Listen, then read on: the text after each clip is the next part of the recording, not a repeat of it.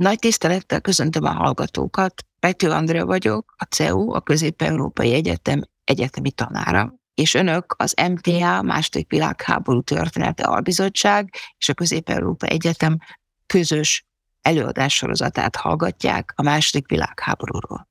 Az előadássorozatot Kacsman Borbála, az albizottság tagja szervezte. Akik az előadás mellett szeretnék látni a különböző PowerPointokat, a bizottság honlapján a második világháború albizottság.hu oldalon megtekinthetőek. Köszönjük az érteklődésüket, és kövessék az albizottság munkáját a Facebook oldalon, illetve a weboldalon. Az első előadás Klacsman Borbála, végső kiárusítás, javak, sorsok a holokauszt alatt és után.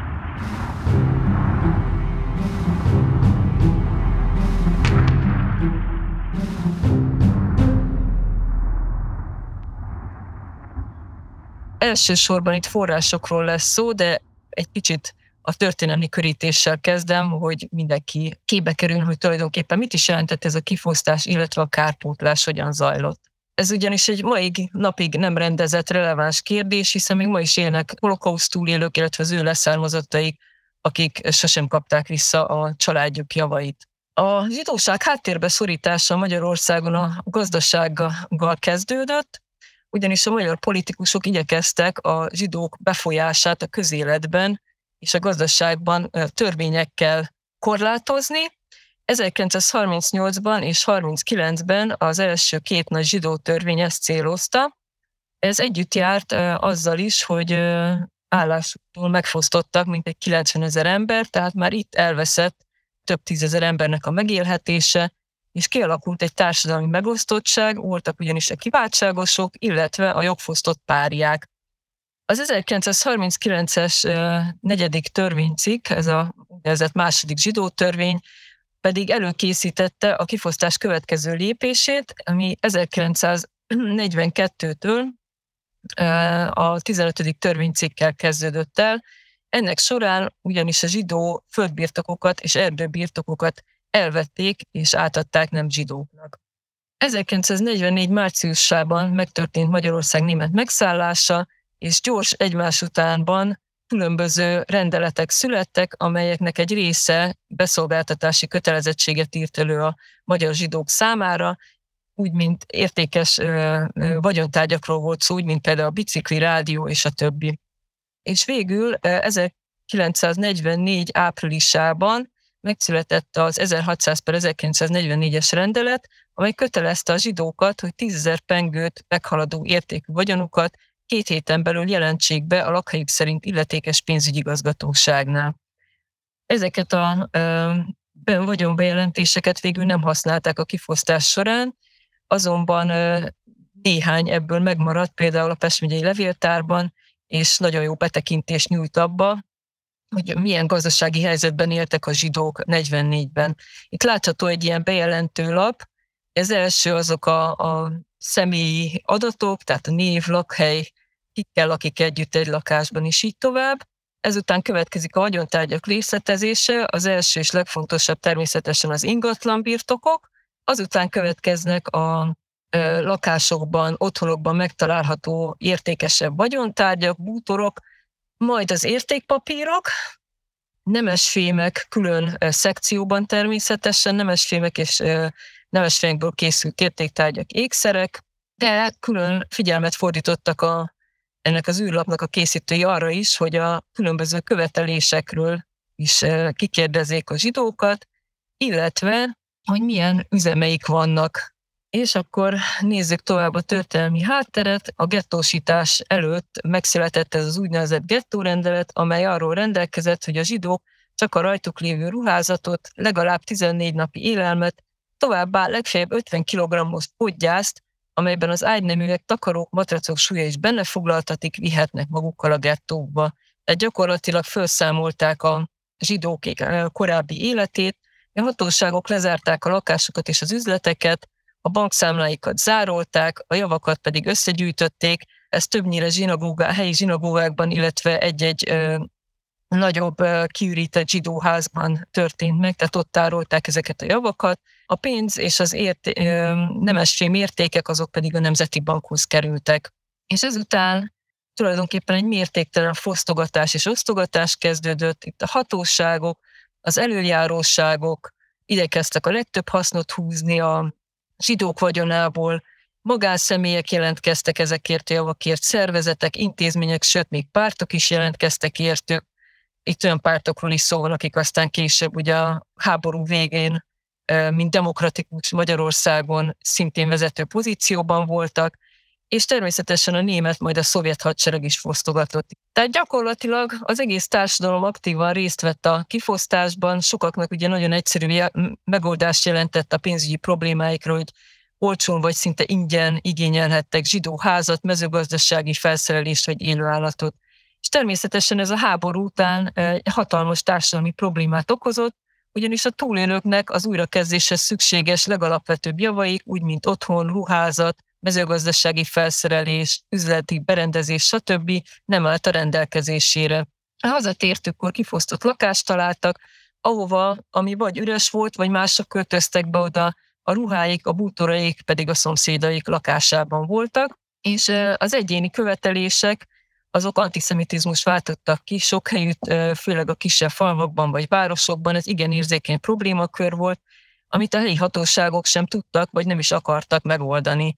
Itt ugye olyan problémákra kell gondolni, hogy például egy sok gyermekes, vagyontalan parasztasszonytól hogyan veszem el a zsidótól elkobzott tehenet, és adom vissza szintén nincs telen túlélőnek, aki hazajött és visszaköveteli a tehenét. Itt a magyar kormány több törvényt és rendeletet is hozott a háború után. Ezek közül a legfontosabbakat emelem csak ki. Az 1945. évi 5. törvénycikk rendelkezett a zsidó törvények és rendeletek eltörléséről, a 300 per 1946-os rendelet pedig biztosította a jogot a túlélők számára, hogy árjásított javaikat visszakövetelhessék. Majd pedig 1946. évi 25. törvénycikkben először merült fel az ötlete egy olyan alapnak, ahová olyan zsidó javakat rendelték volna, amelyeknek nem volt örökösük, sem tulajdonosuk, és ebből fizettek volna kárpótlást a, zsidó közösség számára. Az 1947. évi 18. törvénycikk, ami valójában a Párizsi békeszerződés becikkezett változata volt, ebben a magyar állam kötelezettséget vállalt a kárpótlásra. Tehát tulajdonképpen egy jogi alapja volt a kárpótlásnak, de a gyakorlatban nem sok minden történt, erre majd mindjárt rátérek, hogy miért. 1945 és 48 között működött az elhagyott javak kormánybiztossága, ennek lett volna a feladata az eredeti rendelet szerint, amely megalapított ezt a kormánybiztosságot, hogy részben kárpótlást nyújtson a túlélőknek. Azonban rengeteg probléma volt a kormánybiztosság működésével, ugyanis egyrészt nagyon bürokratikus volt, emiatt nagyon lassú is volt a, az egyes ügyeknek a megoldása, egyben kezelte az összes elhagyott javat, és itt ugye nem csak a holokauszt áldozatok javaira vagy éppen túlélők javaira, akik még nem tértek haza kell gondolni, hanem például az elmenekült németbarát hivatalnokok javaira, a kitelepített németek javaira, és így tovább. Sok esetben a túlélő zsidók csak bérbe kaptak javakat a kormánybiztosságtól, és nem az eredetit kapták vissza saját tulajdonul. Tehát még nekik kellett fizetni azért, hogy használhassák ezeket a javakat. Továbbá a kormánybiztosság kiadásait a javak eladásából, illetve bérbeadásából befolyó összegekből fedezték. Ez ugye tudjuk, hogy a túlélőket illette volna, ugyanúgy, mint maguk a javak is. 1947-ben, hogy ezt a problémakört megoldja a kormány, elrendelte az Országos Zsidó Helyreállítási Alap létrehozását. Ez 54-ig működött ez az alap, és egy igen haladó elvre alapult, ugye az örökös nélkül elhunytak javait nincs telen túlélők megsegítésére akarták használni. Az Országos Zsidó Helyreállítási Alap 1947-től peres úton kezdte el megszerezni a javakat, túlnyomó részt ingatlanokra kell gondolni, ugyanis azoknak volt elég nagy értékük ahhoz, hogy abból kárpótlást nyújthassanak. Azonban a források szerint az összegyűjtött pénz az még az 50-es évek közepén is érintetlenül állt egy bankszámlán, tehát gyakorlatban semmit nem segítettek a túlélőknek, sőt, előfordult olyan is, hogy még élő családtagoktól perelték el az örökségüket.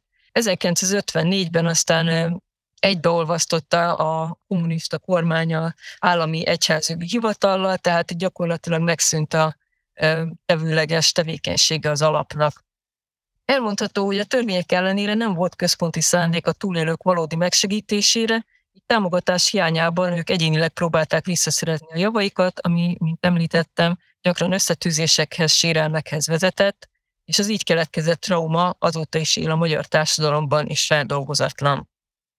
Akkor következzenek a források, amiket kiválogattam ez az előadáshoz. Ha jól tudom, akkor négyet, vagy hát négy forráscsoportot. Az első, az néhány igénylő levél lesz Manonról, és akkor megláthatjuk, hogy hogyan is működött a valóságban ez a kiigénylési rendszer. Ez az első levél Bazsó Károly level a Monori járás szolgabírójának, és így szól. Más lakást nem kapunk, ezért zsidó lakást szeretnék igényelni. A házigazda ugyanis bombakárosult, és a lakást át kell adnom. A lakás egy szoba konyha, és nem tudunk elférni. Szíveskedjék figyelembe venni a következőket. Igazolt tűzharcos vagyok, 28 éve állami szolgálatban dolgozom. Hat tagú családom van, egy fiam katonai szolgálatot teljesít. Ez a levél július 44. július 4-én született, és több olyan érvet is felsorol benne a szerző, amit egyébként abban az időszakban igen sokan alkalmaztak az igénylő leveleikbe. Ugye az egyik az egy szükséghelyzet, amit a háború teremtett, tehát bombakárosult volt, ki kellett költöznie, és ugye zárjásítás által megteremtett helyzetnek a kombinációja biztosította azt, hogy ő itt most igényelhetett egy ingyenesen egy zsidó lakást. Természetesen nem feltétlenül kellett antiszemitának lenni ahhoz, hogy valaki zsidó lakást igényeljen, tehát ő például egyáltalán nem írt bele semmilyen antiszemita kitételt a levelébe.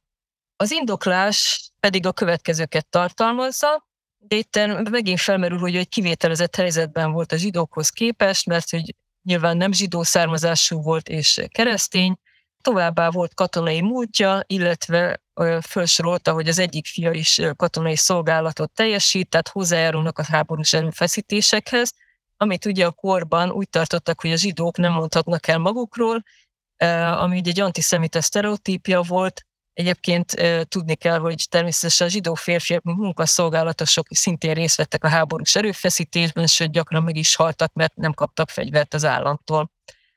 Szintén kiemelendő, hogy Bazónak nagy családja van, tehát gyarapítja a nemzetet, illetve rászoruló is, és állami szolgálatot teljesít, tehát a zsidóságot elnyomó uralkodó apparátus segíti a munkájával. Ez pedig Dóci Bálint gondnoksági elnök kérelme volt, aki egy zárolt zsidó szekrény kiutalását kérte. Ebben az ügyben pedig a határozat Dóci Bálint részére az 1872-1944. évi iskolai anyakönyvek, iskolák bizalmas irattára, pénztári naplója, vagyona és betétkönyvei, valamint leltárak elhelyezése céljából a szemeszcég szekrényét ideiglenes használatra kiutalom. Győri Szabó Robert nevezte el ezt a folyamatot intézményesített rablásnak, és itt azt lehet észrevenni, hogy a társadalomnak minden rétege részt vett benne, és az is előfordult, hogy ezek a zsidó javak több kézen is átmentek, több emberhez, vagy több emberhez, vagy intézményhez kerültek, és minden, mindenkinek ugye haszna származott belőlük.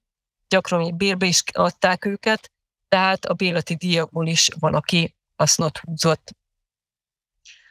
A következő forrás csoport, az pedig az ócsai zsidók javairól szól.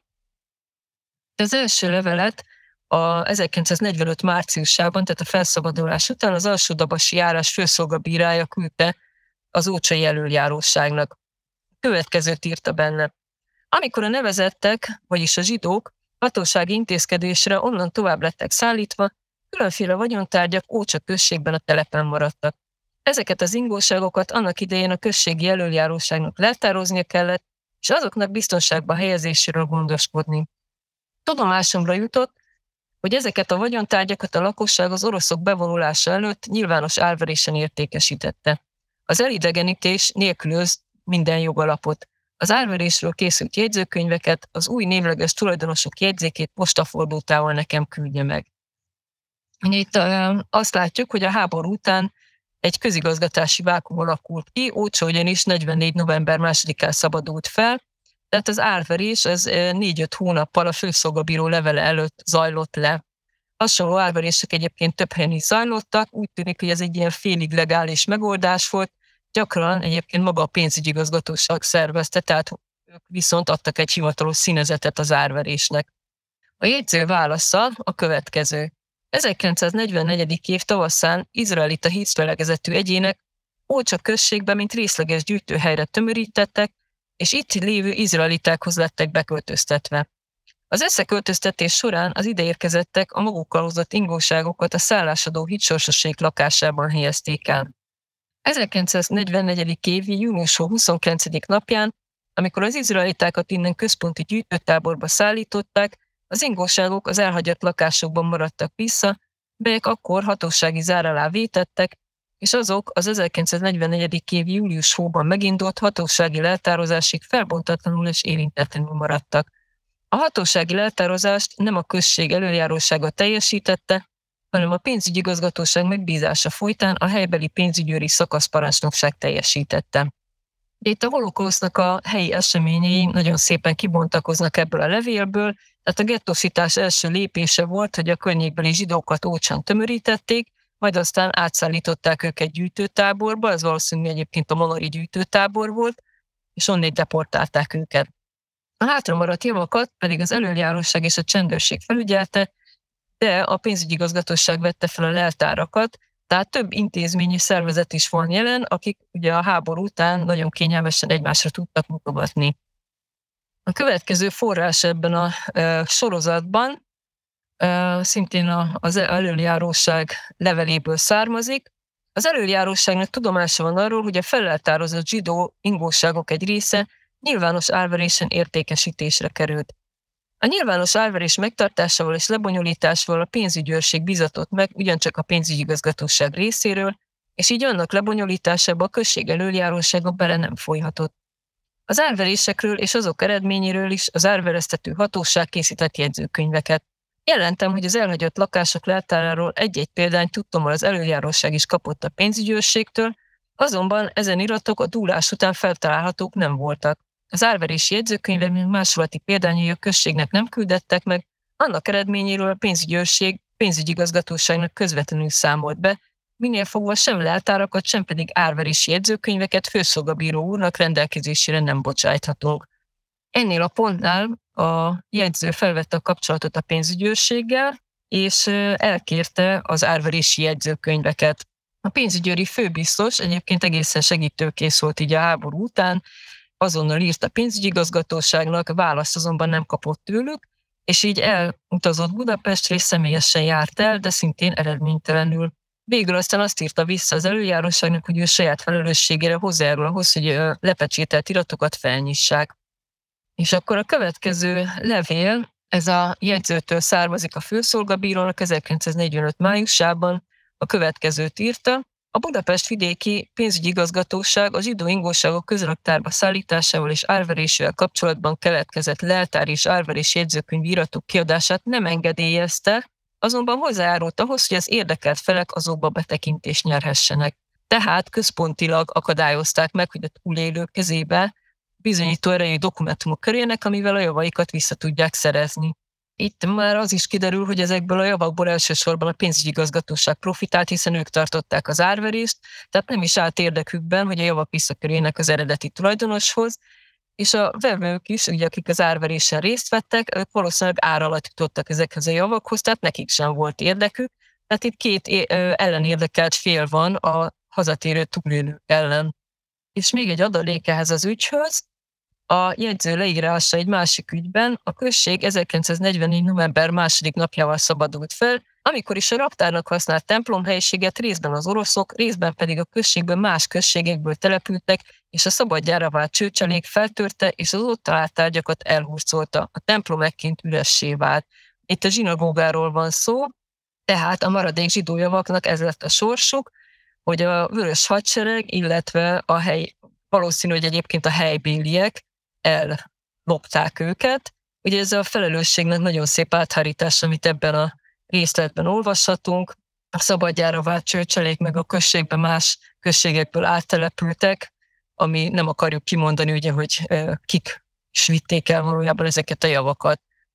és hát így tulajdonképpen lehetetlenné tették a javaknak a visszaszerzését. Jól lehet, ugye azt látjuk az egész folyamatból, hogy a községi előjáróság valójában együttműködésre hajlandó lett volna.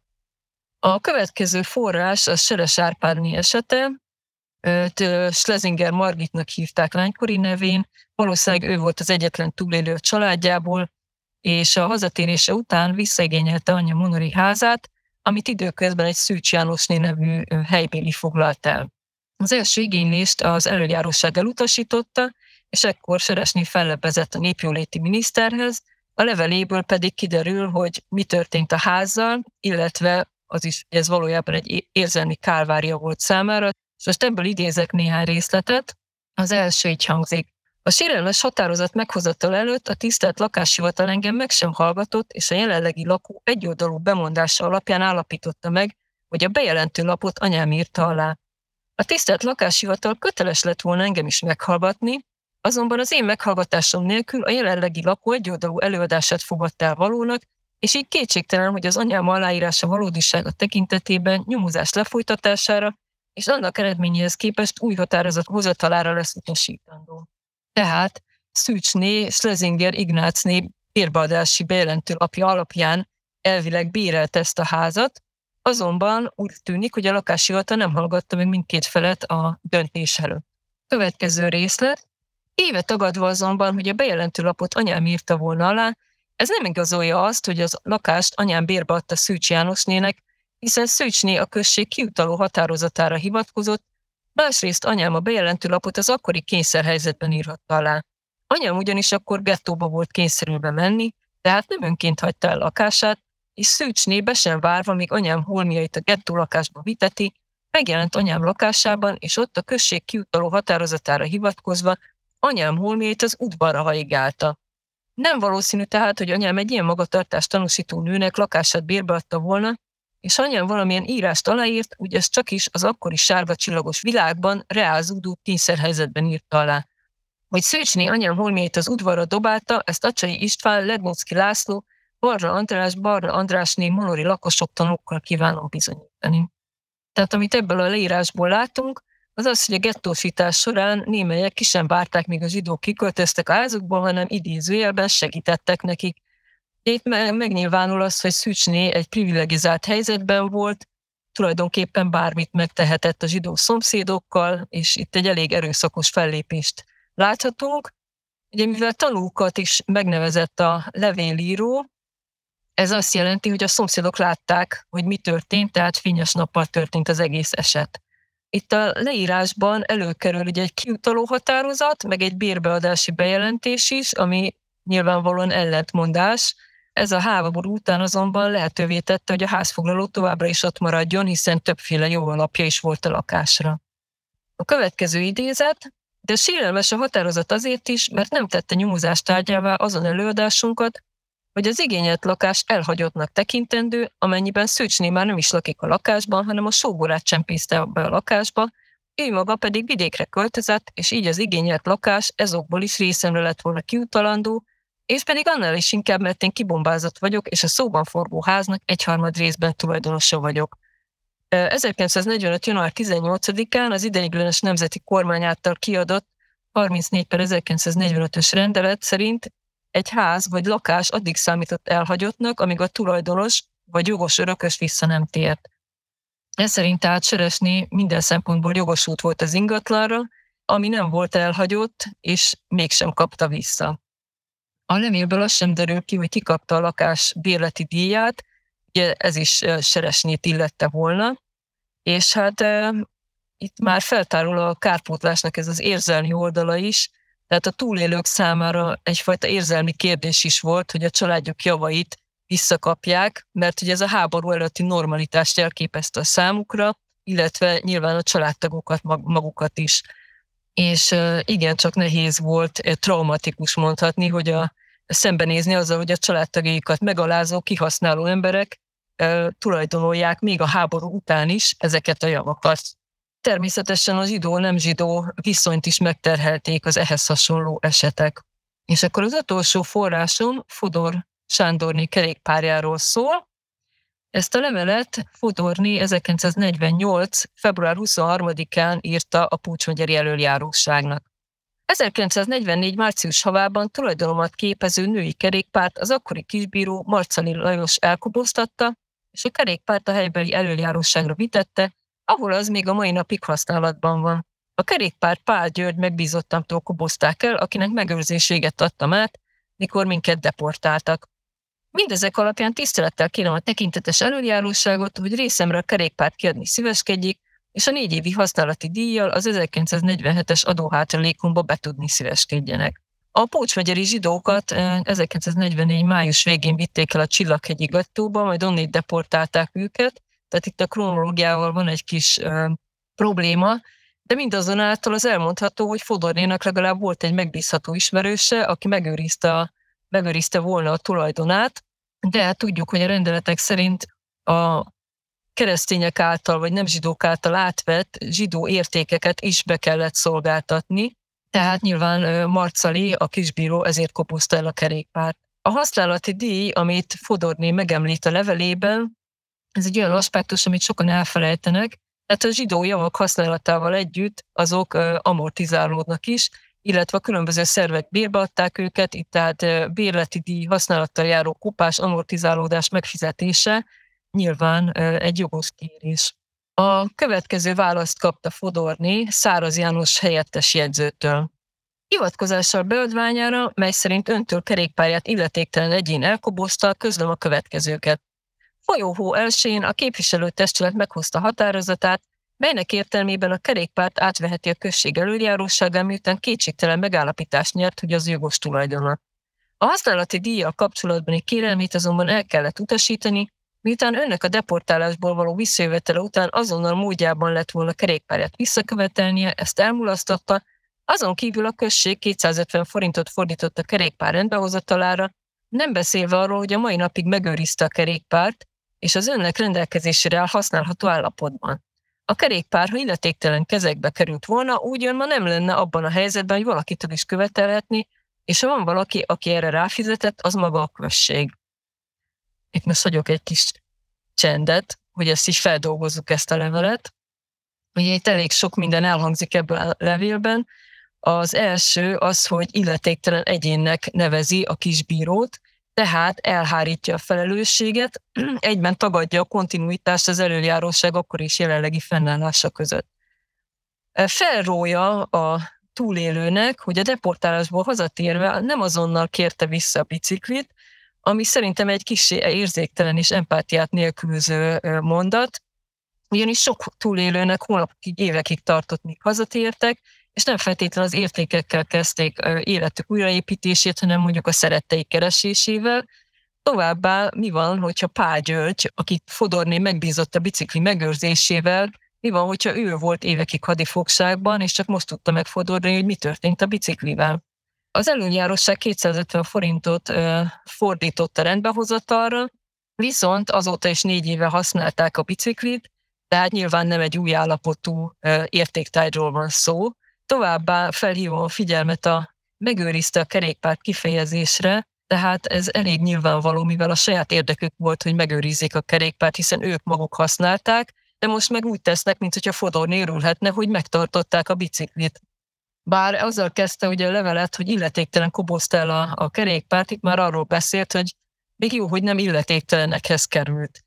Tehát ez az egész levél egy nagyon érzéketlen hozzáállást tanúsít, ami szerintem elég jellemző volt nem csak ebben az esetben, hanem igen sok esetben, amikor holokauszt túlélők szerették volna a vagyonukat valahogy visszaszerezni.